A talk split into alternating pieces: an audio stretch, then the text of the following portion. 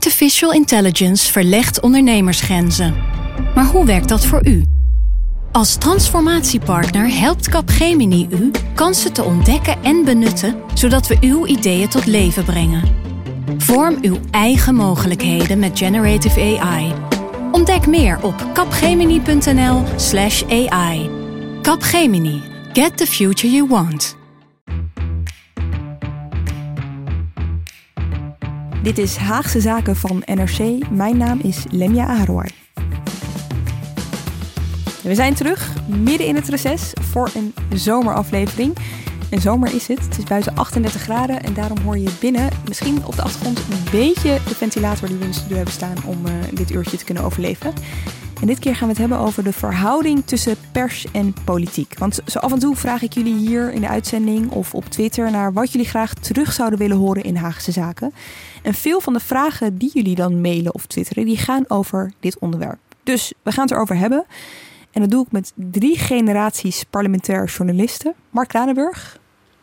Mark, sinds wanneer werk jij hier aan het Binnenhof?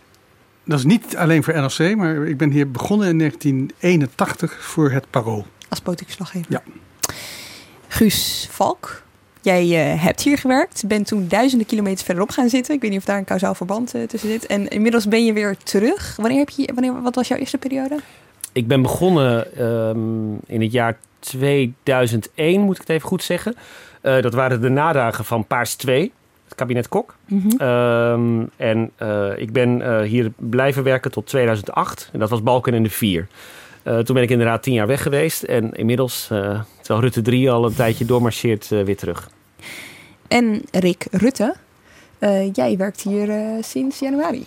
Yes, zes maanden inmiddels. Ja, dus de laatste generatie, zullen we maar zeggen. Samen met mij overigens, want ik werk hier sinds september vorig jaar. Nou, ik leerde vandaag van, van Mark over het zilveren koetsje. En dat we daarvoor 25 jaar in, uh, in Den Haag moeten blijven bivakeren. Maar dat we vooral ook dat we geen enkel moment weg mogen uit Den Haag. Nee, want uh, dat wil ik toch wel even zeggen. Dat het koetsje dat gaat aan mij voorbij. Ja, vertel even. Omdat ik niet een. Uh, ik zei net dat ik sinds 81 hier op het Binnenhof zit. Maar ik ben tussendoor wel weg geweest. Als correspondent, hè? Als correspondent. En ik ben chef van de opiniepagina NRC geweest. Dus ja. het is niet aan één gesloten periode. En dus is dat zilveren koetsje aan je voorbij gereden, zullen we maar zeggen? Ja, want dan moet je 25 jaar achter elkaar. Dat gaat het helaas niet worden voor mij. En wat is, wat is dat zilveren koetsje? Wie het zilveren koetsje dat is voor iedereen aan het Binnenhof. Kamerbodes, Kamerleden, uh, journalisten, et cetera. Uh, mensen van het restaurantbedrijf. Die gewoon 25 jaar aaneengesloten, let wel, dat is heel belangrijk, hier werkt ze geweest. En die kregen dan, uh, ja, voor mij is een festiviteit één keer per jaar, dat de voorzitter dan de zilveren koetsjes uitdeelt. De Kamervoorzitter. De Kamervoorzitter, ja. ja, ja. ja. Vind je het erg dat je hem niet hebt? Nee. Nee, nee, ik vind niet. Uh, dus, dus, ik ben blij dat ik ook zo nu dat even buiten heb kunnen spelen. Hey, Mark, voor jou ligt een geel boek. En dat gele boek dat staat ergens voor, namelijk dat de, discussie uh, of het vraagstuk dat wij gaan bespreken eigenlijk helemaal niet nieuw is. Ja, nee, dat krijg je dan als je, als je mij vraagt. Dus ik ben dus uh, over, over dit onderwerp, pers en politiek, ben ik in mijn boekenkast gaan kijken. Want daar heb ik ook zo'n plankje met allemaal dit soort, dit soort boeken erover. En toen zag ik een helgeel boek, Haagse journalistiek, dat is een proefschrift van Adi Keizer. En dat komt al uit 1985. En de probleemstelling, die ga ik even voorlezen. Hoe behoort de verhouding te zijn tussen parlementaire pers en parlementariërs in casu Tweede Kamerleden? Hoe is de verhouding feitelijk anno 1982 en welke globale ontwikkelingen hebben zich de laatste 20 jaar voorgedaan? Dit is dus een boek uit 1985. Ja. En we praten er nu ook over. Ja, precies. Ja. Dus dit is geen nieuwe discussie. Nee. Maar, maar blijkbaar fascineert dit mensen wel ja. al die tijd al. Het komt altijd weer terug, maar dat is dat zijn ook weer nieuwe facetten. Ik bedoel, wat er toen in 82 totaal niet speelde en wat nu uh, uh, enorm uh, een rol is, dat is, is de, de, hele social media. Ja. Dat, Twitter kwam, komt er niet in voor in het, in nee. Dit gaat dan over de jaren 80, dat boek. jaren daarvoor waren de omgangsvormen echt helemaal anders. En daarvoor moeten we toch eventjes gaan luisteren. We horen minister-president Bill uit 47 en 1952 minister-president Drees enkele vragen mag stellen. Heeft u een goede reis gehad? We hebben een zeer voorspoedige reis gehad. En we zijn zeer verheugd dat wij het ogenblik met vandaag jaar hebben bereikt. Ik dank u. En dan als ik u vragen mag, strekken uw plannen en die van de heer Jonkman zich ook buiten Batavia uit? Ja, we overwegen om ook een bezoek te brengen aan uh, Makassar en aan Pontianak. Ik dank u zeer. Excellentie, hartelijk welkom weer op Nederlandse bodem. Het is natuurlijk wel aardig om een minister-president te hebben ergens in de Verenigde Staten, maar eerlijk gezegd hebben we hem toch maar liever hier weer tussen ons in. Laat ik in de eerste plaats dan even dank zeggen voor het warme woord van welkom hier. Zie je al voor, voor je dat wij minister Blok op deze manier gaan verwelkomen na een reis? Tijdens een persconferentie? Het is, echt, het is, het is schitterende fragmenten. Maar natuurlijk ook uit een tijd dat journalisten en, en, en politici een totaal ander spel speelden samen. Dat, dat ze echt samenwerkten waarschijnlijk. Uh, altijd met elkaar optrokken en een heel klein wereldje vormden. Want hoeveel parlementaire journalisten had je toen? Oké, zo ging het dus in de jaren uh, eh, 50, in de jaren 40. Hier kunnen we ons nu natuurlijk helemaal niks meer van voorstellen dat we uh, op deze manier uh, ministers aanspreken, hoewel ze dat misschien nog wel zouden willen. Wat is het kantelpunt geweest? Waar, waar is dit gaan veranderen? Ik weet niet of je één moment kunt aanwijzen, maar er is natuurlijk de, de naoorlogsgeneratie, de babyboomers, zijn uh, in de jaren 70, 80 uh, gaan werken, ook in de journalistiek en ook in de politiek. En dat, dat bracht een soort van anti-autoritair denken met zich mee, denk ik, waarbij het gezag van de dominee, de notaris, de dokter, de burgemeester, mm. uh, maar ook de Tweede Kamerlid en de minister-president veel minder belangrijk werd gevonden. Dat gaat een beetje uh, hand in hand misschien met, met uh, de ontzuiling, die natuurlijk ook al, al, al, gaande was. En die ook wel wat uh, tot erosie misschien van die instituties leidde. Maar ik denk dat dat vooral is geweest. Er zijn, zijn verhalen dat de, de journalistiek, en dat geldt dan zeker hiervoor in, in Den Haag, ook een belangrijke mate heeft bijgedragen aan de ontzuiling. Mm -hmm. in, in de jaren 60 die je ook noemt. Hè, want zoals toen de verhoudingen waren, dan zaten de, de journalisten van de Volkskrant, de katholieken, zaten bij de katholieke Volkspartij. Uh, zaten bij de vergaderingen van de katholieke Volkspartij. Die hoorden daar ook van alles over. En de journalisten van het Vrije Volk, van de, van de, van de Partij van de Arbeid, uh, die zaten bij de PvdA-vergaderingen.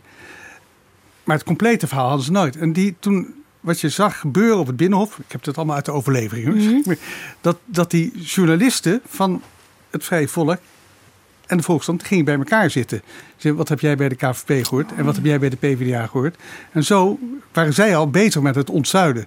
En dat heeft als een soort katalysator ook wel gewerkt. Maar je gingen dus met elkaar erover praten, maar, niet, maar het was nog niet zover dat ze ook bij elkaar gingen kijken. Nee, maar ze gebruikten wel hun verhalen. Ja. Dus, dus de, de, de, de, de auteur van de, of de, de journalist van de Vrije Volk, die dan een verhaal schreef, volledig vanuit het PvdA-perspectief, vanuit de PvdA-vraag, die ging in zijn verhaal ook dingen van de KVP vermengen. Ja. En, uh, en, en, en, en van, de, van de protestanten. Dus, eh, dus die journalisten die gingen dus al fuseren eigenlijk. Terwijl de, de verzuiling stond, bestond nog volop. Dus, eh, ja. dus dat, dat heeft wel meegeholpen.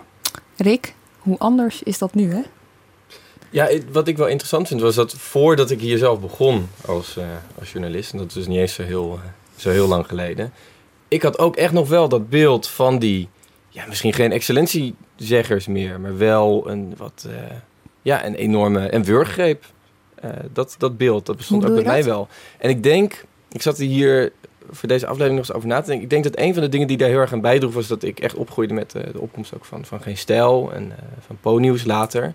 En de manier waarop daar op werd gereageerd vanuit de politiek en ook vanuit de andere journalistiek, dat daar wel eens schande werd gesproken van hoe die omgingen met politici, gaf mij heel erg het beeld, oh, als dat dan zo ingaat tegen alle regels, dan zijn er blijkbaar allemaal gevestigde regels. En dan zijn blijkbaar al die journalisten en politici dus daar nog goed bevriend. Dat op het moment dat iemand nieuw uh, het Kamergebouw binnenkomt en de spelregels overhoop gooit en het bord van tafel knalt, dat iedereen dan zo boos wordt. Dan zal er wel iets aan de hand zijn. Sprekend voorbeeld daarvan is natuurlijk Rutger Kastricum met dat ene bekende uh, interview met uh, Ella Vogelaar, toen nog minister van Integratie, als ik het goed heb ja, die bleef maar doorvragen. En uh, Vogelaar die was deze manier van journalistiek duidelijk niet gewend.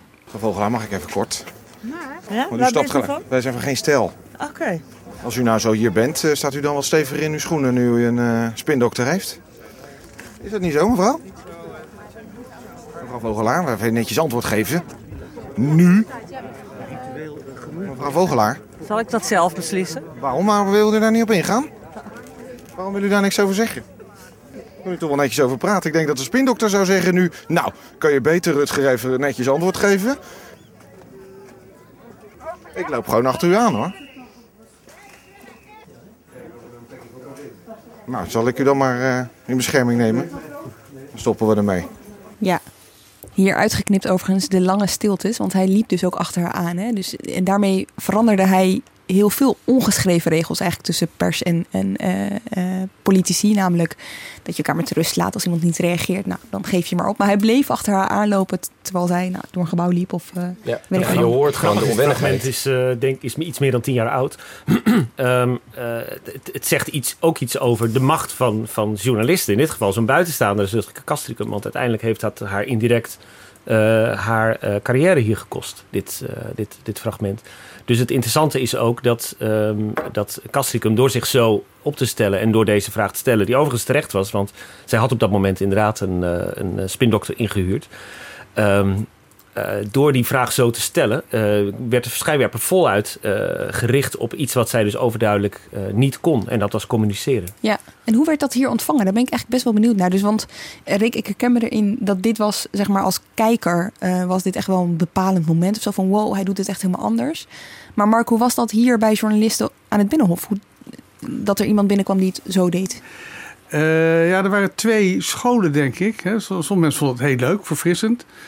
Maar ook wel, en uh, ik geef eerlijk toe, bij die school zat ik ook wel met, ja, dit is wel een beetje afzeik-tv. Hè? Een beetje puberale tv ook. Vooral ook in combinatie met, want hij deed niet anders. Uh, met, met allerlei andere politici ook. Al totaal andere vragen stellen dan de normale politieke vragen. En, en, en, waar de mensen mee geconfronteerd werden. En ik weet dat dan de oude garde, ja, jezus, moet, moet, het, moet het echt zo? He, zullen we nog een beetje ook wat, wat aan serieuze journalistiek doen? Maar ja, wat, wat Guus zegt, het, het heeft haar nou niet direct, maar wel indirect de kop gekost. Ja. Maar de functionaliteit lijkt me heel erg relevant. Want in dit geval was het functioneel. Hè. Hij probeerde iets aan te tonen, namelijk ja, haar gebrek aan functioneren, zou je, zou je kunnen zeggen. Ja. Hij heeft natuurlijk ook wel eens um, dezelfde methode gebruikt om aan uh, Rutte te vragen of hij nog had uh, geneukt. Hè? Dat is natuurlijk een hele ja. andere manier van. Daarbij kun je afvragen wat, wat, is, wat is de relevantie ja. ervan. Maar... Nee, nou ja, goed, het, het, is een variant. Je ziet het natuurlijk ook, ook wel door de jaren heen. Hè. Hoe vaak zie je niet die beelden van een, een, een, journalist die nog net een microfoon door een opengedraaid autoruitje doet. En dan gaat het ruitje dicht en dan rijdt de bewindspersoon weg. Nog roepend, wacht u op het communiqué. dus, dat, dus, maar dat is ook wel een beetje door de jaren heen. En, uh, ja. ja. Ja. Oh, maar toch oh, vraag ik me af of, of de journalistiek van nu, de, de krantenjournalistiek van nu, bijvoorbeeld op dezelfde manier zou reageren. Of hoe, die, hoe anders die reactie nu zou zijn. Hoe bedoel je? Nou, dat ik denk dat ook uh, kranten en televisiejournalistiek in Den Haag wel wat meer verhard is in die zin. Minder fluwelen handschoenen. En dat ik me afvraag of het op dezelfde manier als toen zou worden gereageerd. Het was toen volkomen nieuw en uh, ja. uh, dat is het inmiddels niet meer. Politici zijn er ook nu ook op voorbereid. Maar dat was natuurlijk wel een uh, tijd, een decennium of tijdvak... waarin nieuwkomers, zowel in de politiek als in de parlementaire pers... het bastion betraden. En, en dat veranderde de spelregels natuurlijk volkomen.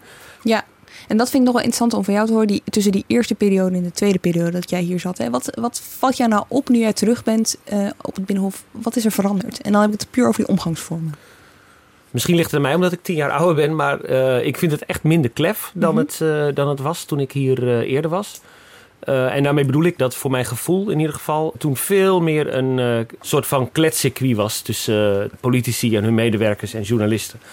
Thijs Niemands Verdriet heeft uh, in een mooi stuk vorig jaar opgeschreven hoe zeg maar, de alcohol is verdwenen van het Binnenhof.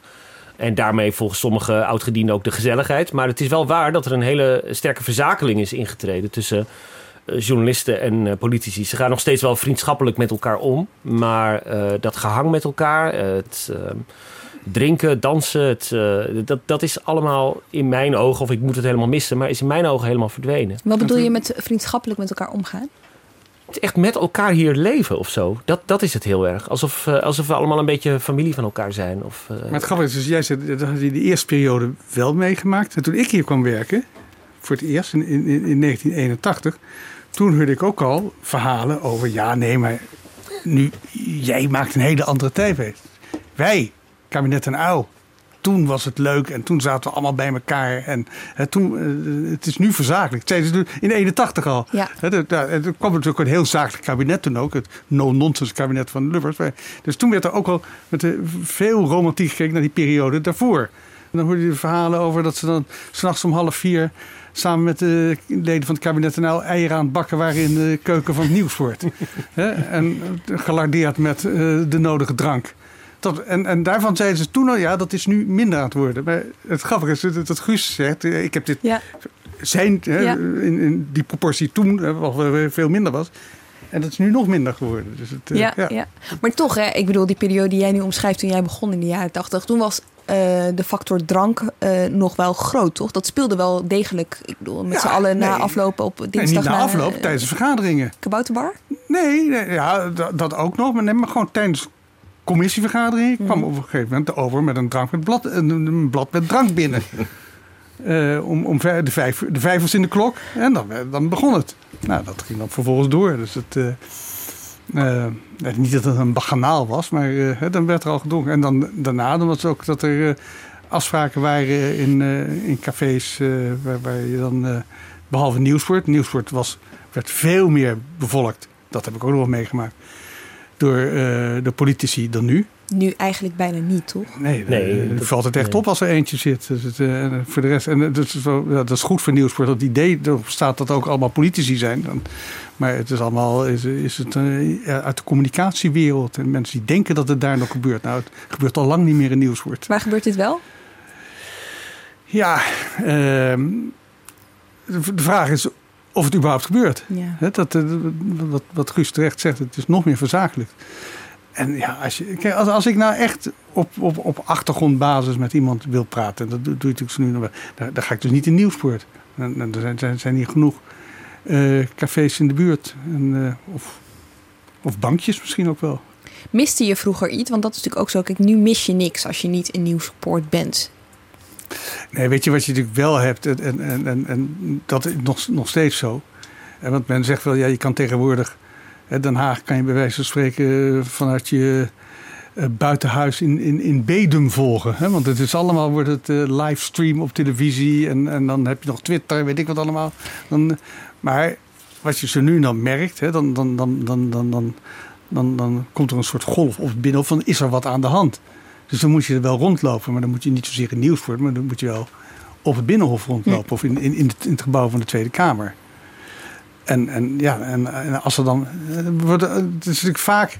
Hè, want het zijn dingen die komen opeens opzetten rondom personen. Hè, dat, dat een, eh, een, een Kamerlid aftreedt of een, een minister aftreedt.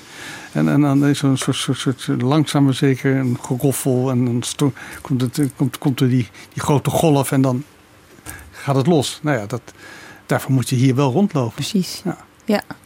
Plus daarbij komt ook nog dat je, dat, volgens mij is het heel belangrijk dat je politici persoonlijk kent. Omdat je eh, dan veel beter snapt hoe ze met elkaar omgaan, hoe de verhoudingen liggen. Ja. Ehm, waarom twee mensen niet met elkaar kunnen van wie je denkt dat ze ideologisch dicht bij elkaar liggen. En dat is voor de buitenwereld altijd weer moeilijk te beg- begrijpen. Ja. Hè? Dat, dat er dus journalisten die dan eh, politici eh tutoyeren bijvoorbeeld. Dat kan eigenlijk niet. Ja, ik, ik, ik denk meer, ja, als je zo lang met elkaar samen zit in een bepaalde ruimte. Ja, als je dan eh, elkaar dat... eh, dat- Eigenlijk zou je in, in elke andere vorm van journalistiek is het heel vanzelfsprekend dat je mensen op regelmatige basis en heel informeel spreekt. Als jij eh, onderzoek doet naar de detailhandel en je wil de, de HEMA of de, de bijenkorf doorlichten, dan zul je met de mensen binnen dat bedrijf praten als bronnen. Nou, vervolgens is het bijvoorbeeld de top die je door wil lichten. Dus die, dat is het onderwerp van je studie. En het lastige van Den Haag is volgens mij dat de mensen die je bronnen zijn de ene dag, de volgende dag weer het onderwerp kunnen zijn van het stuk dat je aan het schrijven bent. Dat die rollen voortdurend door elkaar lopen. Waardoor het, het beeld soms ontstaat dat die mensen die door jou zo kritisch gevolgd zouden moeten worden, dezelfde mensen zijn met wie je. Nou, weet je, ja, doen ik bedoel, je hebt natuurlijk eh, wel de- ook over andere sectoren. Ik, ik ben voor die tijd dat ik hier in Den Haag was, was ik sociaal-economisch directeur. Heb ik heel veel over de vakbeweging toen geschreven. Ja, dat is ook een beetje hetzelfde als in de politiek. Dan gaat je ook, ga je ook met vakbondsvoorzitters praten. en die leer je dan ook beter kennen. En dan, eh, nou, heb je ook achtergrondgesprekken. Maar wat ik wel hier heb gemerkt. In, in, in Den Haag, ik, ben, ben ook eh, een aantal keren eh, chef geweest. En dan kreeg ik dus redacteuren nieuw in Den Haag. die hadden bijvoorbeeld op een economieredactie gewerkt. En die realiseerden ze opeens, hé, hey, toen ik in, op de economieredactie werkte, ja, dan schreef ik een berichtje over Piet Jansen en dan nou, gebeurde verder niks. Maar hier in Den Haag, en ik schrijf iets over de politicus Piet Jansen, die kom ik de volgende dag tegen. Ja. En die loopt naar me toe. Zeg, dat stukje van jou. Je komt dus direct, je, niet alleen je bronnen, maar ook je onderwerp kom je tegen. En dat, dat, dat wat doet dat? Wat betekent dat? Ja. ja dat, maar ga je dan uh, censuur? Ga je dan zelf censuur toepassen? Of wat betekent dat in de praktijk? Nee, maar nou, het, het is ja, of, of je censuur, maar je houdt er in ieder geval rekening mee. Hey, ik kan die man of vrouw morgen tegenkomen. Uh, er kwam een vraag van een, uh, van een luisteraar binnen hierover. Die vroeg zich af, hè, stel dat je een, een, negatief stukje over iemand schrijft... krijg je dat dan de volgende dag ook te horen? Uh, ja, dat krijg je vaak wel te horen. Um, ik vind wel um, schrijven over de Binnenhof is een beetje vergelijkbaar met correspondentschap. In die zin dat je echt een soort van land, wereld moet beschrijven. Alleen dan is het nu kleiner dan Vaticaanstad. Um, maar eh, super, super klein. Maar je komt je onderwerp wel tegen. Je leeft tussen de mensen over wie je schrijft. En dat vind ik zelf altijd heel gezond. Want pas als je mensen echt kan observeren, echt kan meemaken, ontstaat er iets of zo. Ik vind het zelf altijd heel moeilijk om over iets te schrijven waar ik zelf niet bij ben geweest. Dat had ik als correspondent al. En dat, dat, dat heb ik hier ook. Dus ik vind het eigenlijk alleen maar prettig om, die, uh, om dat wel te hebben. Dus om ja. die mensen ook wel tegen te komen. En ja, eerlijk gezegd, toen ik, nou, toen ik net begon had ik dat wel. Was ik ook wel echt onder de indruk toen, uh, toen de woordvoerder van Wouter Bos belde... en zei van Wouter is erg teleurgesteld over je stuk. dan, oh, dan ja? maakt het wel indruk ja? als, je, ja? als je 6, 27 bent of zo in mijn geval. En deed um, dat dan ook iets met jou, met het volgende stuk dat nee, je dan ging schrijven? Nee, nee, dat niet. Nee, maar wel dat ik dacht van, uh, van oh jeetje, ja, ze lezen wel alles. Ja. Dat wel. Want de kern hiervan is, is natuurlijk de afhankelijkheidsrelatie hè, tussen uh, pers en politiek. Dus je bent echt van elkaar afhankelijk. Uh, pers hebben politie nodig om hun verhalen te kunnen schrijven. Politie hebben pers nodig om hun verhalen te kunnen vertellen. Uh, en dat is wel mooi. Nou, hun verhalen zo goed mogelijk. Je kan natuurlijk altijd zonder enig contact kan je hier politieke verhalen Zeker. Hè? Dus, zeker. Maar, maar, dat zijn niet de beste verhalen dan. Nee, nee. nee. Anne Vondeling, oud-Kamerlid voor de PvdA, minister geweest, Kamervoorzitter geweest, oprichter geweest overigens van de commissie Duidelijke Taal. Die beschreef het ooit zo: parlement en pers, spreekbuis en klankbord, microfoon en luidspreker horen bij elkaar zoals stekker en contactdoos. Op papier is het soms overzichtelijk. Hè? Tweede Kamerleden, die, dat zijn de controlerende macht. En wij controleren eigenlijk weer wat politie aan het doen zijn. Maar in de praktijk is het soms best wel ingewikkeld. Mark, heb jij zelf ook meegemaakt begin 2000? Ja, heb, dat, dat heb, heb, ik ook meegemaakt. En toen uh, werd ik opeens uh, ontmaskerd als lid van een werkgroep van de Partij van de Arbeid. Die zich aan het beraden was hoe het verschijnsel fortuin getorpedeerd kon worden. Dit waren ongeveer de woorden van Jan Nagel in een tv-programma in, in het Buitenhof. Nou ja, kijk, uh, uh, meneer Hans Wansing, die het interview ja. heeft geschreven... Ja. die zit in de denktank van de Partij van de Arbeid... samen met een andere, aantal andere journalisten... zoals Willem Breedveld van Trouw, mm -hmm. Mark Kranenburg van uh, NRC Handelsblad... Zonneveld van Vrij Nederland. Die zitten in de werkgroep Partijpolitieke Processen van de WBS, het bureau voor... Via die Beckman Stichting. Ja. En uh, daarin is men mag al ik even, maanden... Mag ik het even laten zien? Want ja, ja, ja, ja. Daar is men al maanden bezig met hoe kunnen we de, het leven van Nederland in de rechtse hoek douwen. En uh, dit is gewoon een onderdeel van die campagne. Een Hans Wansink of anderen, die kunnen toch hele goede, respectvolle journalisten zijn. Absoluut. En geïnteresseerd zijn oh, in de politiek. Oh, ik, bedoel, dat hoeft, allemaal. wil toch niet zeggen dat dit, dit artikel van afgelopen zaterdag een onderdeel van een campagne is? Nee, maar u weet ook, en dat, daarom is het zo jammer dat Pim Fortuyn die kans heeft gegeven. Dat iedereen erop uit was om natuurlijk een keer een geweldige ja. fout te laten maken. Oké, okay, Mark, dit moet je even uitleggen. Jij zat in een denktank en die was van de WRD Beckman Stichting. En dat is het wetenschappelijk bureau van de PvdA. Nou ja, dat zei uh, uh, Jan Nagel dat het een denktank was. Het, het is een gespreksgroep. Dat is ja? toch een wezenlijk verschil. Uh, met politicologen, bestuurskundigen, politici. Het, het was uitgegaan van de WRD Beckman Stichting. En daar, die kwam elke twee maanden bij elkaar om gewoon over de actualiteit te praten. En er was een spreker van buiten.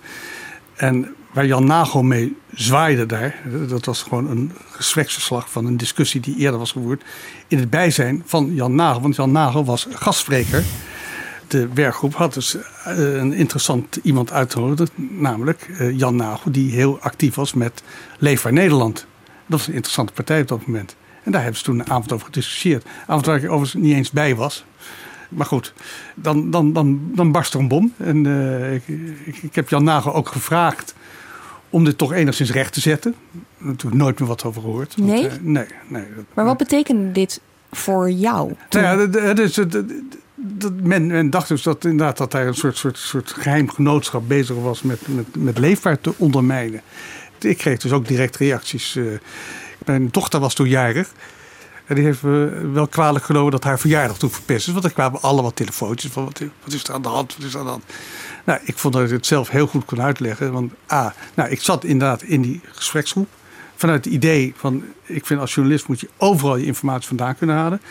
Ik weet ook nog goed, toen, toen ik daar ooit toe op de Leidse Markt benaderd werd door een van de mensen van, van die club.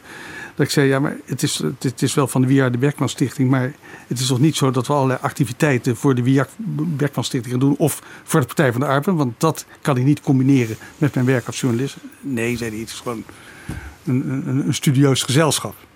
Met mensen in en buiten de partij. Ja. Dus dat kon ik verantwoorden, vond ik. En, uh, en daarin moet ik ook eerlijk zeggen, ben ik volledig gedekt door mijn toenmalige hoofdredacteur, Volkert Jensma. Die zei ook, ja nee, dit moet kunnen. Ja.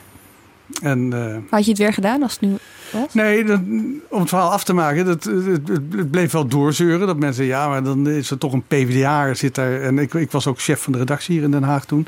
Die, die, die wordt geleid door een PvdA. En het bleef wel doorzeuren. Dus ik heb toen, we hadden ook wat briefje in de krant. Waar we ook die vraag stelden. Zeiden, ja, ik kan het uitleggen, maar als we het tot zoveel commotie leidt. En ook redacteuren van mijn redactie daarop worden aangesproken. Uh, nou, dan, dan, dan, dan, dan, Stop dan zie ik er maar verder vanaf. Ja. Maar zou je het nog een keer doen? Nu? Ja. Of, is zijn de, of zijn de normen zo veranderd dat je denkt, nu, kan, nu zou dat niet meer kunnen? Ja, ik vind dat het kan. Ik, ik, ik sta op het punt dat als journalist moet je zoveel mogelijk, waar je ook kan, uh, moet je informatie kunnen halen. En, en uh, ik, ik, ik voelde me niet ik kon het tegenover mezelf verantwoorden, en tegenover mijn hoofdredacteur, dat je daardoor niet opeens een, een spreekbuis van, van de Partij van de Arbeid of van de Wierde Beckman Stichting gaat worden. Ik, ja, ik vraag het omdat ik denk, op het moment dat iets gelieerd is aan een politieke partij, heb je al het gevoel van daar kan ik beter niet aan participeren. Weet je wel? Dus je wilde wel, ja, natuurlijk wil ik erbij zijn, ik wil het opschrijven. En, maar goed, dat laat ze dan meestal weer niet toe. Maar als je op het moment dat je eraan gaat deelnemen, dan voelt dat alsof je dus letterlijk input aan het leveren bent aan, aan zo'n partij. Nou, wat het volgens mij wel heel erg laat zien is dat je kan nadenken over hele strikte regels, over uh, nooit participeren, over afstand bewaren. Maar in de praktijk is het elke keer weer hele specifieke keuzes maken. En waar kun je dan op dat moment ook pas bepalen wanneer je nog aan het participeren bent, wanneer je, wanneer je aan het observeren bent en wanneer je aan het participeren bent. Hoe je inderdaad die afstand bewaakt, maar tegelijkertijd, want dat wil je ook, dichtbij genoeg bent om iets mm -hmm. interessants te kunnen zien. Mm -hmm. Heb je daar zelf ervaring mee? Nou, mijn eerste uh, week hier in, uh, in Den Haag, die, uh, die speelde zich niet alleen in Den Haag af. Ik was net in Den Haag begonnen en toen in de eerste week kreeg ik de vraag vanuit van de chef om naar Berlijn af te reizen. Om daar een, een landbouwbeurs te volgen. En dan de vooral de Groene Woche, inderdaad. De grootste landbouwbeurs van Europa. En dan vooral uh, Thierry Baudet, want die was daar ook. Die had ze op het laatste moment opgegeven. En dat vond ik wel interessant, want die zou daar waarschijnlijk op zoek gaan naar uh, de steun van de, de boerenlobby. Dus ik reis naar Berlijn af en ik, ik kom daar aan in het, het Hilton, waar de Nederlandse delegatie een gigantische bol heeft. Overal is de wijn open, er wordt bier gedronken. En daar zie ik voor het eerst een politicus in levende lijven. Thierry Baudet, daar is hij zelf. En die zegt, ik ga een vodka colaatje halen. Hoi, wil je ook? Nou? Nee, niet gedaan. Maar was dat een moment waarin je dan dus nadacht over. Het was meteen duidelijk dat vanaf dat moment dat je elke keer in, bij al die interacties die je zou gaan hebben, zou moeten kiezen hoe uh, zorg je nou dat je inderdaad niet gaat doen alsof je een van hem bent, gezellig meezuipen, maar tegelijkertijd ook wel uh, erbij bent. Jezelf niet op afstand zet. Kijk, de enige manier waarop je kan voorkomen dat je enige invloed hebt op wat mensen tegen elkaar zeggen en tegen jou zeggen, is dat je er helemaal niet bent.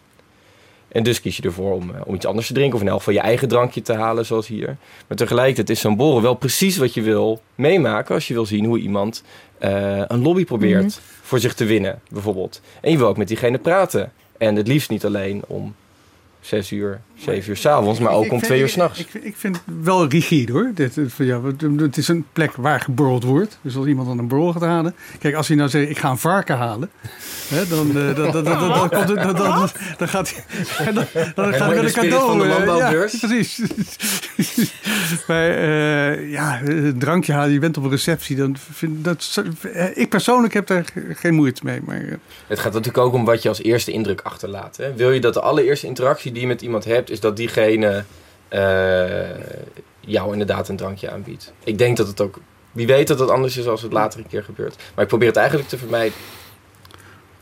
En dat eerste voorbeeld, Guus, daar ben ik ook benieuwd naar. Hè? Iemand van de Haagse redactie zou nu tegen jou zeggen: ja, ik ben door, een, nou, door de Telder Stichting van de VVD, wetenschappelijk bureau, uitgenodigd om eens na te denken over uh, hoe ze de middenklasse kunnen gaan bereiken. Nou, dat, dat, dat ik bedoel, het voorbeeld van eh, Mark is uit 2002. Ik denk dat dat toen een andere tijd was, omdat we collectief, denk ik, daar nog niet over nadachten zoals we dat nu doen. Um, dus uh, het is moeilijk om dat voorbeeld van toen op nu te plakken. Maar ik zou dat nu niet goed vinden, nee. Omdat nee. ik denk dat uh, het erbij zijn is, is, is, is uitstekend. Dus als iemand zegt van ik kan uh, een dagje meelopen met de Telder Stichting, zeker doen.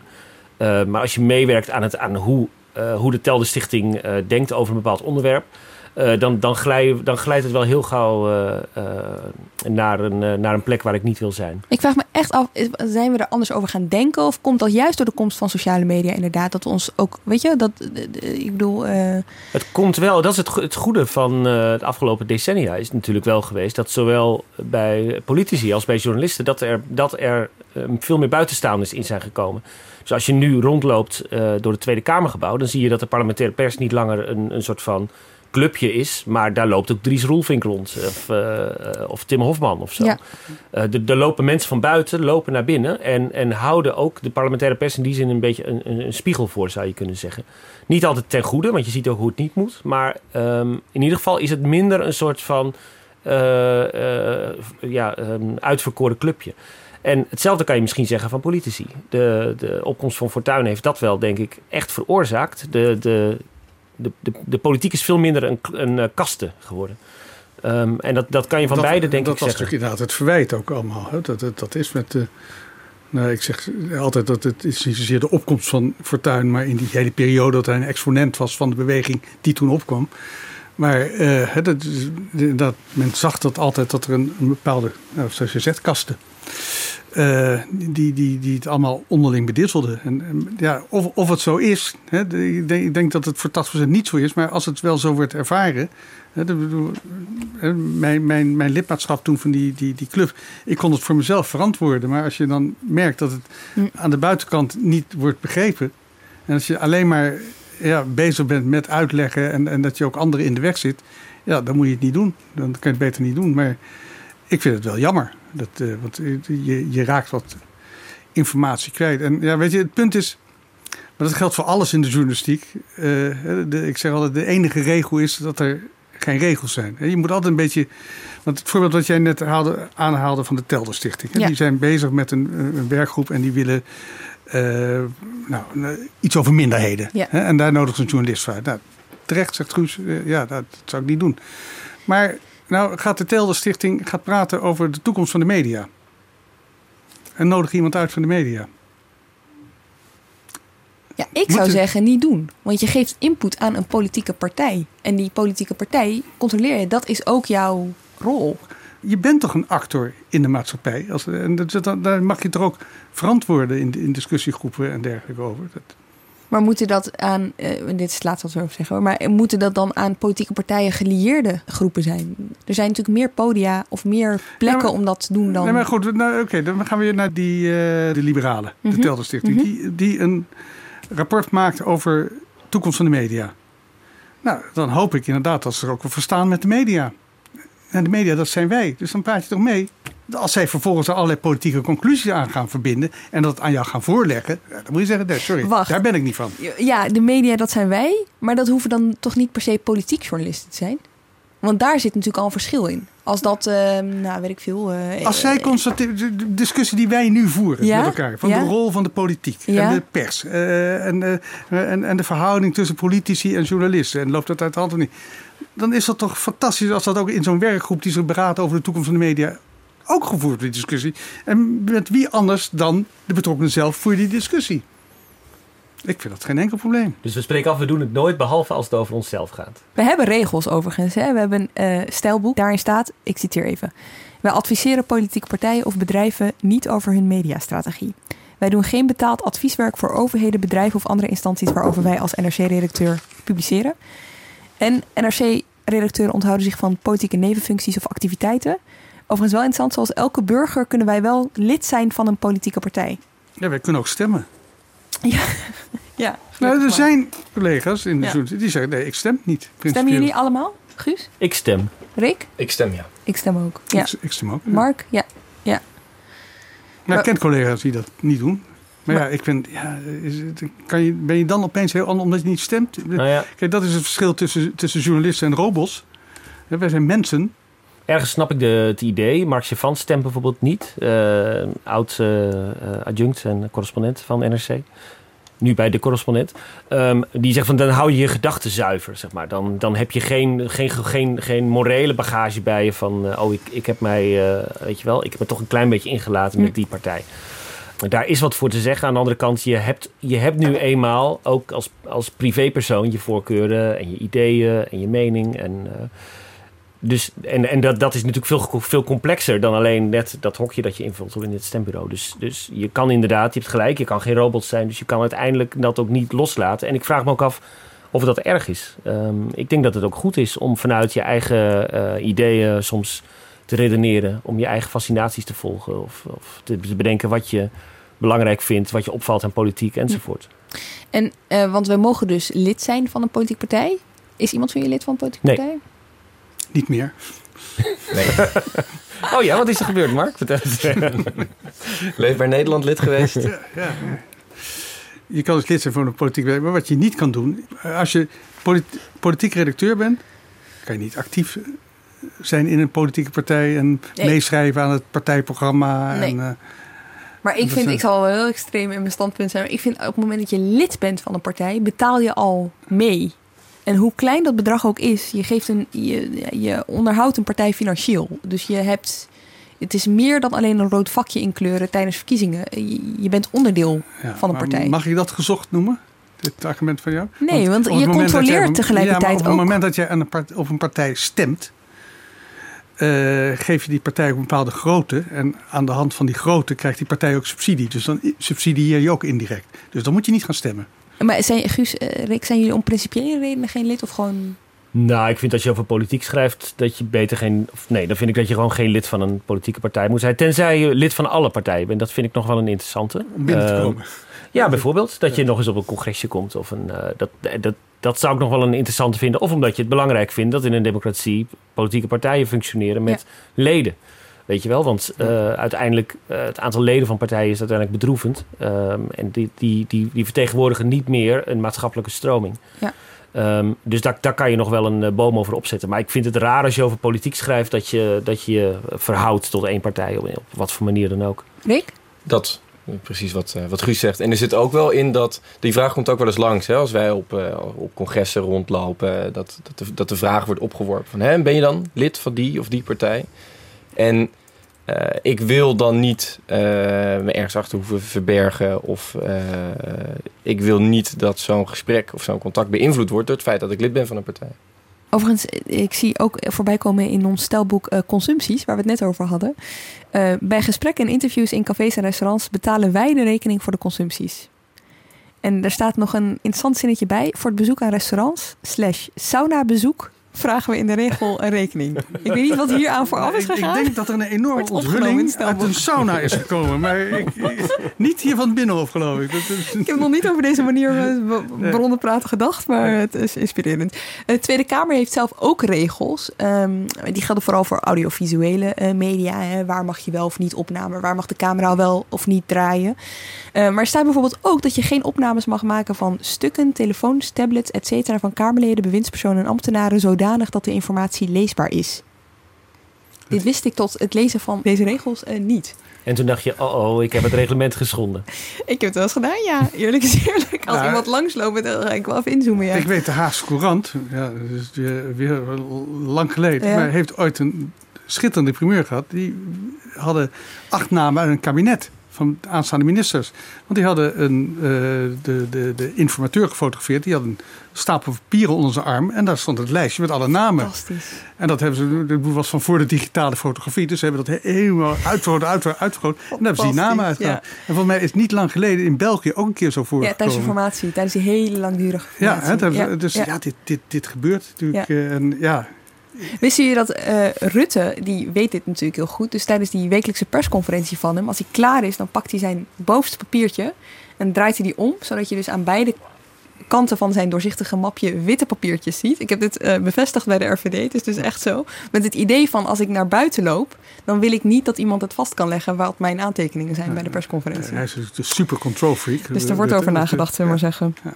Oké, dit zijn de uh, geschreven regels waar we het over hebben gehad. Maar er zijn natuurlijk ook ongeschreven en regels. En ik merk best wel veel nieuwsgierigheid naar um, ja, hoe het werkt. Weet je wel, wie spreek je aan voor een verhaal? Hoe gaat dat? Hoe vaak word je zelf aangesproken? Guus, kun je daar wat over vertellen? Hoe, uh, hoe, de dagelijk, hoe het eigenlijk dagelijkse werkt?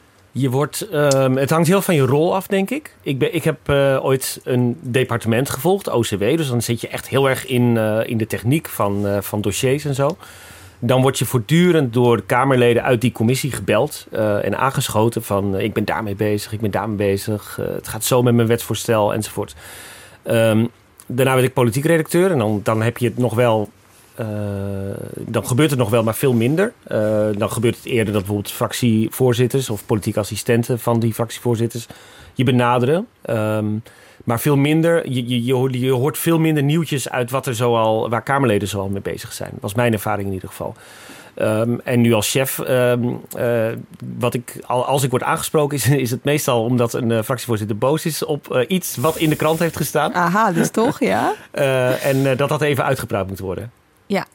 Ja. Dat, dat hoort wel een beetje bij mijn rol nu. Ik chargeer nu een beetje, want ik, ik word ook wel over andere dingen gebeld. Maar dat, dat, dat is wel, wel vaak wat ik hoor, ja. Ja, Rick, hoe is dat bij jou? Nou, ik merk een groot verschil tussen het moment dat je iemand benadert. Uh, omdat je inderdaad iets op inhoud wil bespreken. Omdat er een dossier is dat langskomt. Of omdat er iets in je portefeuille zit. Een ministerie dat je volgt. Een wet waar je alles over wil weten. Dan zullen Kamerleden eigenlijk altijd veel toeschietelijker zijn. En veel meer geneigd zijn om met je te praten. En je merkt ook vaak dat de mensen die je op die manier leert kennen. Pas na verloop van tijd eigenlijk ook meer willen gaan praten over het gerommel in een fractie. De onvrede die ze misschien wel voelen binnen de, de coalitie. Um, er zit ook wel echt een waarde in ja, het opbouwen van, van een netwerk en van mensen leren kennen. Dat is iets wat ik, ja, bedoel, daar kan ik nog niet zoveel over zeggen als, uh, als Mark. Dat merk je heel snel. Ja. Kun jij fractievoorzitter direct benaderen? Ja, je kan ze altijd direct benaderen. Het is wel zo dat een fractievoorzitter lang niet altijd de meest interessante is om mee te praten. Uh, maar volgens mij weet jij ook wel hoe je fractievoorzitter soms kunt verleiden om... Uh, ja, toch aan het woord te komen. Nee, bij, alle, bij, bij dit alles denk ik hangt het heel erg af van de partij natuurlijk waar je contact mee hebt. Hè. Eh, de ene partij is wat makkelijker. Sowieso een groot verschil natuurlijk tussen oppositie en coalitiepartijen. Bij coalitiepartijen is het allemaal iets voorzichtiger. Uh, je hebt fractievoorzitters die je kunt uh, appen of bellen en daar heb je gewoon normaal gesprek mee. Je hebt soms ook fractievoorzitters die je appt en die dan een voorlichter terug laten bellen bijvoorbeeld. Of een politiek assistent terug laten bellen die uh, ook duidelijk aangeven dat ze dat uh, niet willen. Uh, dus ik merk gewoon dat het heel erg afhankelijk is van, van de partij. En ook afhankelijk is van hoe je jezelf opstelt. Ik kan me nog herinneren dat ik een fractievoorzitter in mijn beginperiode redelijk vaak probeerde te appen. En ik kreeg nooit iets terug. En toen dreigde ik er mee. dat ik die app gewoon als een soort van boodschaplijstje zou gaan gebruiken. Als een soort notitieblok voor mezelf. En sindsdien lukt het nog wel om, om diegene te spreken. Dus het hangt heel erg af van... Um, maar ik merk wel zeker wel voorzichtigheid bij uh, coalitiepartijen. Ik weet niet of dat, uh, of dat voor je ook zo is. Er zijn er ook in de coalitie die het leuk vinden om gewoon te praten over hoe het hier gaat en wat ze meemaken. En, en uh, dingen die niet direct leiden tot een stuk, maar, maar een beetje bespiegelen over, over, over hoe het gaat. Dat, dat zijn over het algemeen wel de leukste gesprekken. Maar ja. dat, daar, zijn, daar zijn veel wel toe in staat hoor. Het is niet zo dat ze dat niet, niet, niet durven of zo. Maar het is, het is wel bij de een meer dan bij de ander. Dat merk ik wel. Ja. uh, vraag die binnenkwam van luisteraar is: voelen jullie je wel eens gebruikt? Toen ik nog politiek redacteur was, had ik dat gevoel vaak wel. Ik vond echt het uh, hoogtepunt of dieptepunt, maar hoe je het wil noemen, is uh, de strijd tussen Rita Verdonk en Mark Rutte in 2006. Daar werd je over en weer voortdurend gevoed met valsigheden eigenlijk over het andere kamp. Ik uh, ga in ieder geval, laat ik daar maar nu duidelijk in zijn, overwegen dat ik mij kandidaat ga stellen voor het, voor het lijsttrekkerschap. U gaat toch zich kandidaat stellen voor het lijsttrekkerschap? dat wordt een leuke competitie. En dan hoop ik dat die kandidaten dat zo doen... dat we na afloop ook leuk met elkaar en goed met elkaar kunnen verder werken. De verrassing was groot, want niet Rita Verdonk, maar... Mark Rutte is gekozen tot lijsttrekker. Dat ging maar door. Dat was echt dagelijkse kost. Ja, dat was, dat was echt ongelooflijk. Dan word je alleen maar gebruikt. Het enige wat je dan als journalist kan doen, is, is dat al gaan beschrijven. Maar wat, wat, wat ook wel eens gebeurt, is dat je iets uh, toegespeeld krijgt, uh, zoals dat dan heet. Uh, iets wat interessant is, maar waarbij je niet, net niet helemaal het hele verhaal kunt vertellen. Een voorbeeld uit mijn begintijd is ehm, de HBO-fraude, speelde toen heel erg. Zeg maar de late dagen van Paars 2. Hogescholen bleken massaal te frauderen met, met studentengegevens en daardoor heel veel geld op te strijken. En een Kamerlid uit de coalitie ehm, gaf mij toen een dossier over een fraude bij een hogeschool. Die buitengewoon ernstig was. En ze zei van, als je dat nou in de krant zet, dan, dan heb ik een stok om de minister mee te slaan. En de minister was toen nog Loek Hermans van de VVD. Dus haar coalitiegenoot, hè? Zeker. Gespannen noteert minister Hermans twee uur lang de kritiek van de Kamer. De minister heeft veel te weinig gedaan met de aanwijzingen over mogelijke fraude in het HBO-onderwijs. Misschien was het inderdaad zo dat de minister eerder niets heeft gehoord. Maar had het dan niet wel gemoeten? Had de minister of zijn ambtenaren niet een optelsom kunnen en moeten maken van alle signalen die er geweest zijn. Dat dossier heb ik afgedrukt. Dat was buitengewoon nieuwswaardig en uh, volkomen terecht uh, dat we dat afdrukten. Maar er was eigenlijk nog een verhaal naast. En dat is dat er in die coalitie dus ook iets aan het misgaan was tussen twee coalitiepartijen. En dat, dat er gepoogd werd om een uh, VVD-minister nou, misschien, wel, misschien wel te laten vertrekken. Dus ja, dan word je op zo'n moment gebruikt. Want het is een dilemma. Je, hebt, je krijgt nieuws in je schoot geworpen. Uh, met de afspraak dat je dus niet schrijft over dat andere nieuws. Namelijk nou, dit komt van binnen Ja, nou, dat was eigenlijk nog niet eens de afspraak. Nee? Dat, is meer, ja, dat was meer een soort van uh, ongeschrevens of zo. Daar had, ik, daar had ik zeker in mijn beginjaren... Uh, overkwam me dat wel vaker. En had ik daar wel, wel eens moeite mee. Waarom? Nou, omdat je voelt dat je, dat je de hele tijd, ja, inderdaad, wat je, waar je het begin over had, in de gaten gehouden wordt of zo. Ik heb eens een keer een, uh, een stuk geschreven over Balkenende. En hoe het CDA worstelde met, uh, met uh, zeg maar zijn uh, wat houterige manier van campagne voeren. En daar waren ze in de top van het CDA heel, helemaal niet blij mee met dat stuk. Mm -hmm. En ik, ik vond het meer zelf, ik vond het meer een grappig stuk. Ik was, was, had er niet eens zo heel erg lang over nagedacht. Maar toen ik bij een volgende uh, campagnebijeenkomst was, uh, kwam er zo iemand op me aflopen. En die, die was echt kwaad. En die stond echt uit te voeteren van... Uh, hoe kan je dat opschrijven? En, en, en dan, ja, dan, dan besef je opeens weer van... oh ja, je bent niet in een soort vacuüm bezig. Je bent inderdaad onder de mensen over wie je schrijft. Ja. Ik weet bijvoorbeeld wel... je hebt toen een, een, een kabinetscrisis gehad in 2010... over Nederlandse deelname in Afghanistan. Of dat verlengd moest worden of niet. En dat leidde tot grote ruzie in het, het kabinet uh, Balken en de Bos. Toch? Zegt goed? Ja. Balken en de Vier. Ja. Balken en de Vier. En dat, toen werd over en weer werd er van alles naar je toe gestuurd. Van, kijk eens, ja, zij zeggen wel nee, maar toen hebben ze ja gezegd. En kijk, dan heb je die brief, daar ligt een brief. Dat moet je eens even kijken van de Amerikanen. Dat, uh, dat, dat, zeggen ze nu dat ze die niet gezien hebben. Nou, die is er wel degelijk. Dus ja, dan, dan merk je dat je, ja, word je gebruikt? Ja, die wordt gebruikt. Maar ja, dan zeg ik ook altijd, jongens, elke persconferentie die door een politieke partij gegeven wordt, of door een departement, dat is al een vorm van gebruiken.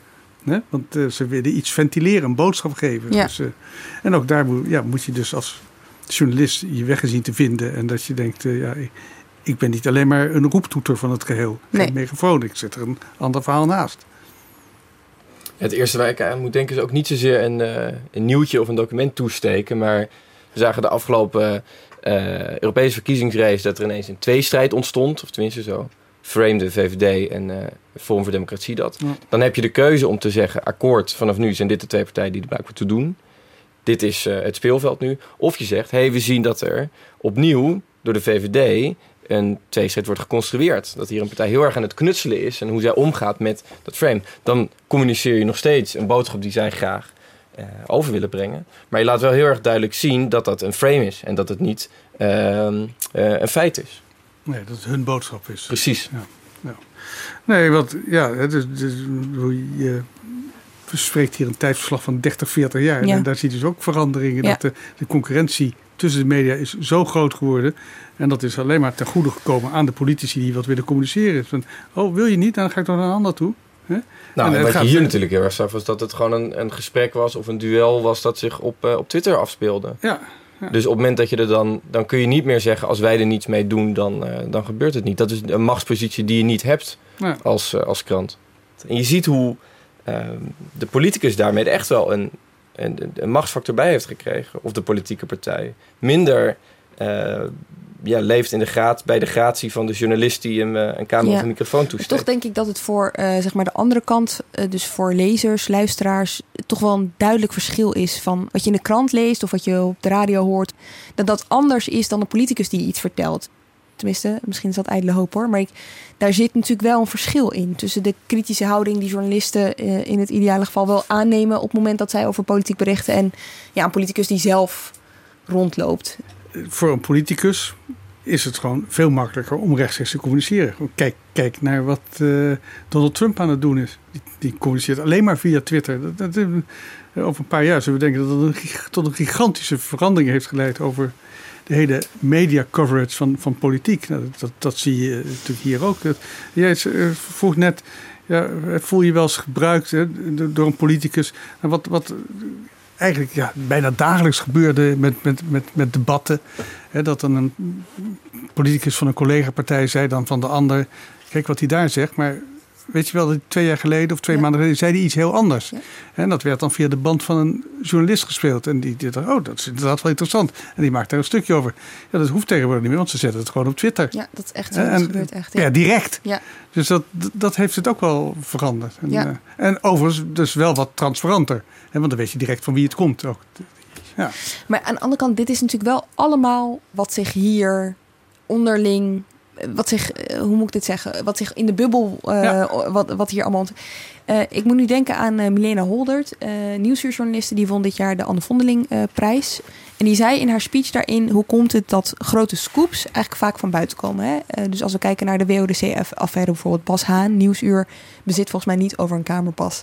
Als we het hebben over Henri Keizer, de VVD-voorzitter, die nogal eh, bleek eh, te hebben gesjoemeld. Dat kwam van Follow the Money, journalisten die hier ook niet rondlopen. Dus je kan je afvragen, hoe komt het dat nou de echte scoops, dus even los van de Inter, ja, die zei twee jaar geleden dit en nu zegt hij dit. Dus de echte scoops, hoe komt het dat die steeds van buiten komen? Nou, ik denk een deel van die schools is niet echt politiek. Hè? Dat van, van, van Keizer, ja, die, dat, dat was een goed, knap uitgezocht verhaal. Maar hij was toevallig ook eh, VVD-voorzitter, maar had verder niks met zijn functioneren als VVD-voorzitter te maken.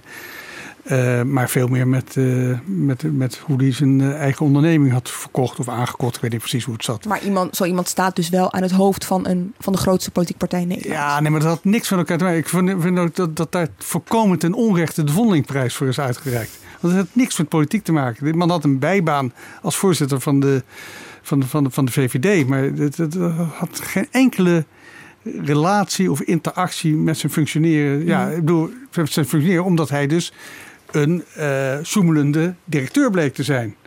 Maar goed, dat, is niet, dat vind ik geen politieke scoop. Nou, ik, ik, zou, ik denk wel dat het ons als politiek journalisten ook onze taak is om politici op dat soort taken te controleren. En ik denk, ik denk dat dit wel degelijk echt een heel goed onderzoek was. Dat geldt ook voor, ook voor Follow the Money. Ja, maar voor dat niet- soort nee, onderzoek en voor Bas Haan. Nee, maar, wat wordt, mij er wordt opvalt altijd een dat... soort tegenstelling gecreëerd tussen, eh, ik, ik chargeer een beetje, tussen die Haagjournalisten die alleen maar onder die kaasstolp met die politici al dan niet zelf betaald borrel zitten te drinken. En wij van buiten die keurig de afstand houden en daar niet aan meedoen en daardoor met schroefs komen. Ja, zo werkt het dus niet. Ja, dat, dat is natuurlijk wel een eh, lastig. Als je hier werkt, heb je last van de, van de kameragenda. En dat er elke dag dingen gebeuren. Ehm, waardoor onze aandachtspannen vaak gewoon kort is. Dus je, je, je, je, je, volgt het geheel. Dus je kan eh, soms inderdaad weinig tijd vinden. Mhm. Ook als redactie om echt te bedenken van... oké, we gaan ons nu helemaal richten op eh, dit. En dan gaan we de komende maanden alles opzij schuiven... en alleen dat volgen. Dat is bijna niet te doen, want dan mis je gewoon een heleboel wat hier gebeurt. Dus in die zin eh, ja, is, is onderzoeksjournalistiek inderdaad gewoon een andere tak van sport. Ik moet wel zeggen, we hadden het even over die tweestrijd tussen aanhalingstekens tussen Forum en VVD. Die liet wel een andere zwakke plek zien die hier wel degelijk bestaat, denk ik. Het is niet zozeer dat uh, journalisten op de verjaardagen van uh, voorlichters en Kamerleden komen. Maar er heerst wel altijd een soort van uh, confirmation bias. In de zin van er worden hier narratieven soms gecreëerd die heel erg sterk zijn. En, en waarbinnen mensen op zoek gaan naar het volgende verhaal. Een, een, voorbeeld is een beetje een oud voorbeeld, maar omdat ik net de documentaire terug heb gekeken, eh, ligt het weer uh, uh, vooraan in mijn hoofd. Maar de Wouter tapes van mhm. Wouter Bos laat dat heel mooi zien. Dat beschrijft de campagne van binnenuit van Wouter Bos 2006. En toen werd er heel veel geschreven over, onder meer ingegeven door het CDA overigens, zijn grootste concurrent toen dat hij niet het goede karakter had om premier te worden. Daar kwam het eigenlijk op neer. Hij was onbetrouwbaar en draaide vaak en zo. En wat je dan krijgt is dat de parlementaire pers heel veel verhalen gaat schrijven over eh, of Wouter Bos al dan niet veel draait. Um, het frame, we nemen het frame over, bedoel je? Ja, ja ik wilde dat woord vermijden, maar inderdaad. Ja. en uh, je, je ziet in de Wouter-tapes dat Wouter Bos er ook heel erg mee worstelt. En die gaat dan vervolgens dingen verzinnen om te laten zien dat hij niet draait. Dat hij heel standvastig is. Dus het wordt dan ook politiek witgewassen, zou je kunnen zeggen. Het wordt de politieke realiteit. Wat het nog moeilijker maakt om er niet over te schrijven. En zo zit je als parlementaire pers soms gevangen in een soort uh, narratief. En ja, dat leidt inderdaad eh, soms inderdaad tot kluitjesvoetbal. Niet omdat we niet origineel zijn, maar omdat hier soms dingen ontstaan, zou je kunnen zeggen. En, maar wij uh, hebben een rol in daarin. We hebben ja, een hele belangrijke rol in, ja, dat het ontstaat. En dat vind ik echt een hele zwakke plek aan, uh, aan de parlementaire pers. Dus dat is eigenlijk de, de, durf om af te wijken. Hè? Dat, uh, dat, als er eenmaal een beeld van een politicus vaak ontstaat, dan is het heel moeilijk om dan te zeggen: ja, dat, dat, dat is niet zo. Ja, in het geval van de tweestrijd hebben wij dus uh, voor gekozen om tweestrijd tussen uh, aanhalingstekens te zetten. En om te beschrijven bijvoorbeeld hoe uh, politieke partijen dat in het verleden ook hebben gebruikt. het, het, het wapen van de tweestrijd om daar samen eigenlijk succesvol uit te komen. Hartstikke goed, prima. Maar toch, je gaat toch over die tweestrijd schrijven, weet je wel? En dat is, dat is een ongelooflijk lastige. Ja. De spagaat waar je voortdurend in zit, is dat je uh, het gaat er steeds over hè, de pers en, en de politiek. Maar de praktijk betekent dan natuurlijk gewoon de krant of zelfs uh, de journalist die keuze moet maken. Die ook weet dat al die andere journalisten bij al die andere kranten en radio- en televisiestations weer hele andere keuzes kunnen maken. Dus dan is denk ik vaak het beste om met een heel kritisch oog te kijken naar nou, wat dan of een frame is of een bepaald imago. Uh, maar het niet per se los te laten. Ja. Om te doen alsof je erboven staat. Wat ik wel interessant vind daaraan, hè, want jij werkte hier tijdens die periode van, uh, van Wouter Bos. Hè? Uh, die Wouter tapes, inderdaad, ik heb ze ook gezien naar jouw tip teruggekeken. En je ziet daarin inderdaad heel duidelijk hoe het CDA een bepaalde strategie heeft.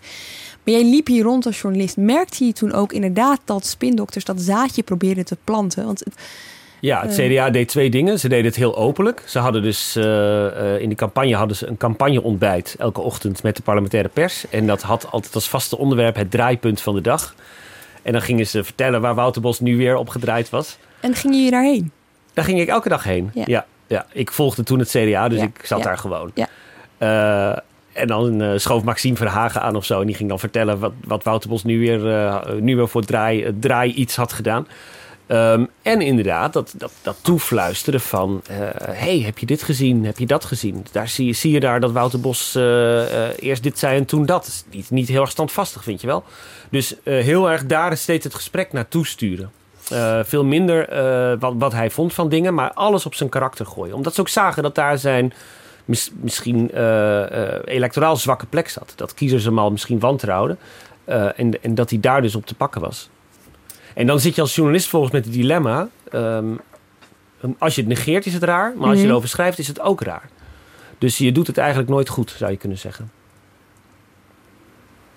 Nee, je wordt enorm, ja, je voelt je echt gebruikt. Hè? Maar ja, fact of life. Ja, wat daar overigens uh, ook helpt, oud-collega van ons, oud-oud-collega van ons, uh, André Luijendijk, hè, die zei: politici, daar spreek je niet mee, daar schrijf je tegen. Dat is natuurlijk een gevleugelde uitspraak nu ook binnen ons vakgebied. Hè. Uh, ik weet nog, toen ik hier begon, hoorde ik dat ook echt best wel veel van mensen die hoorden dat ik hierheen ging. Van hè, uh, trap niet in die val, ga niet alleen maar met politie praten. En ik moet zeggen, toen ik hier begon, ging ik er ook met die gedachte in. Maar dat is langzaam maar zeker gaan veranderen. Want je ziet wat de impact is van die politici zelf op beleid, op de koers van een partij.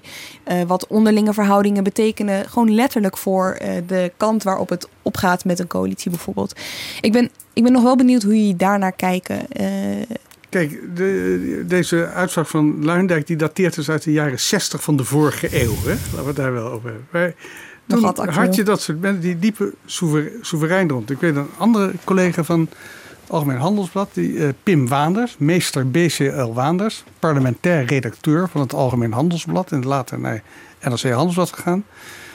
Die zat van twee uur, dinsdagmiddag twee uur, tot de laatste hamerslag van de voorzitter donderdagavond of donderdagnacht, zat hij op de parlementaire perstribune. Dat was zijn plek. Hij keek wat er gebeurde in de Tweede Kamer. Verder niks. En dat beschreef hij. Dus dat was, het was het parlementaire verslag, dus er werd gesproken over die en die wedstrijd. Hij gaf zo nu dan even een recensie, dat Kamerlid toch wel een pittig betoog hield of zo. dat, dat, dat, zo, maar dat is een uitspraak. Hij ging principieel niet een deur verder de wandelgang in. Hij zei, het gebeurt hier. dat, is, dat is een houding. Daarna is, en daar, eh, we begonnen net met het uh, proefschrijven de Haagse journalistiek. Uh, daar wordt die Adi Keizer ook genoemd. De, de opkomst van de kleedkamerjournalistiek. dat is, wat, ja, maar wat zit daar nou achter de schermen? Zelfs de sportjournalistiek ook. Je kan de wedstrijd beschrijven, maar waarom is die opstelling zo gekozen en dergelijke? Dat, dat, nou. En dat, ja, en je kan niet alleen de wedstrijd beschrijven zonder ook te laten zien hoe de opstelling tot stand is gekomen en dergelijke. Dus ja, wat dat betreft zijn we godzijdank wel wat gegroeid. En uh, ik vind het een, een, mooie uitslag van Luidijk, maar ja, je kan komt er niet ver mee, denk, denk ik. Nee, ik denk zelf dat um, het heel belangrijk is als je over politiek schrijft, dat je politici echt leert kennen. Um, omdat echt opvallend is, vind ik altijd, hoe persoonlijke verhoudingen uh, een rol spelen in uh, besluitvorming. We, denken altijd dat het een soort van steriel gebeurt, of, of dat dingen worden geruild. Dus dat is op zich wel zo. Maar juist uh, dat persoonlijke komt altijd heel erg terug. Dus het is deel van je vak, denk ik, om die politici te leren kennen. en ook hoe ze zich verhouden tot anderen, bijvoorbeeld. En als twee politici niet met elkaar kunnen, is dat ongelooflijk belangrijke informatie. Ja. Um, want dat, dat leert je heel veel. En daarom is het juist heel goed om uh, nou ja, uh, veel met politici mee te gaan. Uh, op werkbezoeken te zien, wat jij ook veel doet, Lemia. Dat, dat soort dingen helpen je om, om ook politiek beter te begrijpen. Want die persoonlijke kant heeft altijd heel erg meegespeeld, volgens mij. Ja, ik moet nog denken aan een uitspraak van die andere Luindijk. Joris Luindijk, als ik me goed herinner. Die een tijdje in het, aan het Binnenhof doorbracht. En die zei toen iets in de trant van dat, uh, dat het een goed idee zijn om alleen maar journalisten te hebben in Den Haag die ministeries volgen, die portefeuilles volgen in plaats van het politieke spel, want dat, dat zou eigenlijk er niet toe doen. Maar dan ga je dus totaal voorbij aan hoe belangrijk macht en dat, en dat politieke spel is precies voor de inhoud. Als je wil begrijpen hoe het kan dat we ineens een klimaatwet hebben, die er met een grote meerderheid doorheen is gedenderd en die, die tien jaar erover heeft gedaan om van begin tot hier te komen uh, dan moet je begrijpen hoe macht werkt. Als je wil snappen waarom uh, Wouter Koolmeester als minister wel in slaagt om een pensioenakkoord te sluiten, wat jarenlang niet is gelukt, dan moet je begrijpen uh, hoe de macht daar verdeeld wordt. En hoe dat spel gespeeld wordt. En waarom de een het zoveel beter speelt dan de ander. Dank jullie wel, Rick Rutte, Mark Kranenburg en Guus Valk. Dank ook voor het luisteren. Volgende week zijn we er weer met een extra zomeraflevering. Dus abonneer je vooral, dan vind je ons terug in je feed. Voor nu geniet van de zon. Tot volgende week.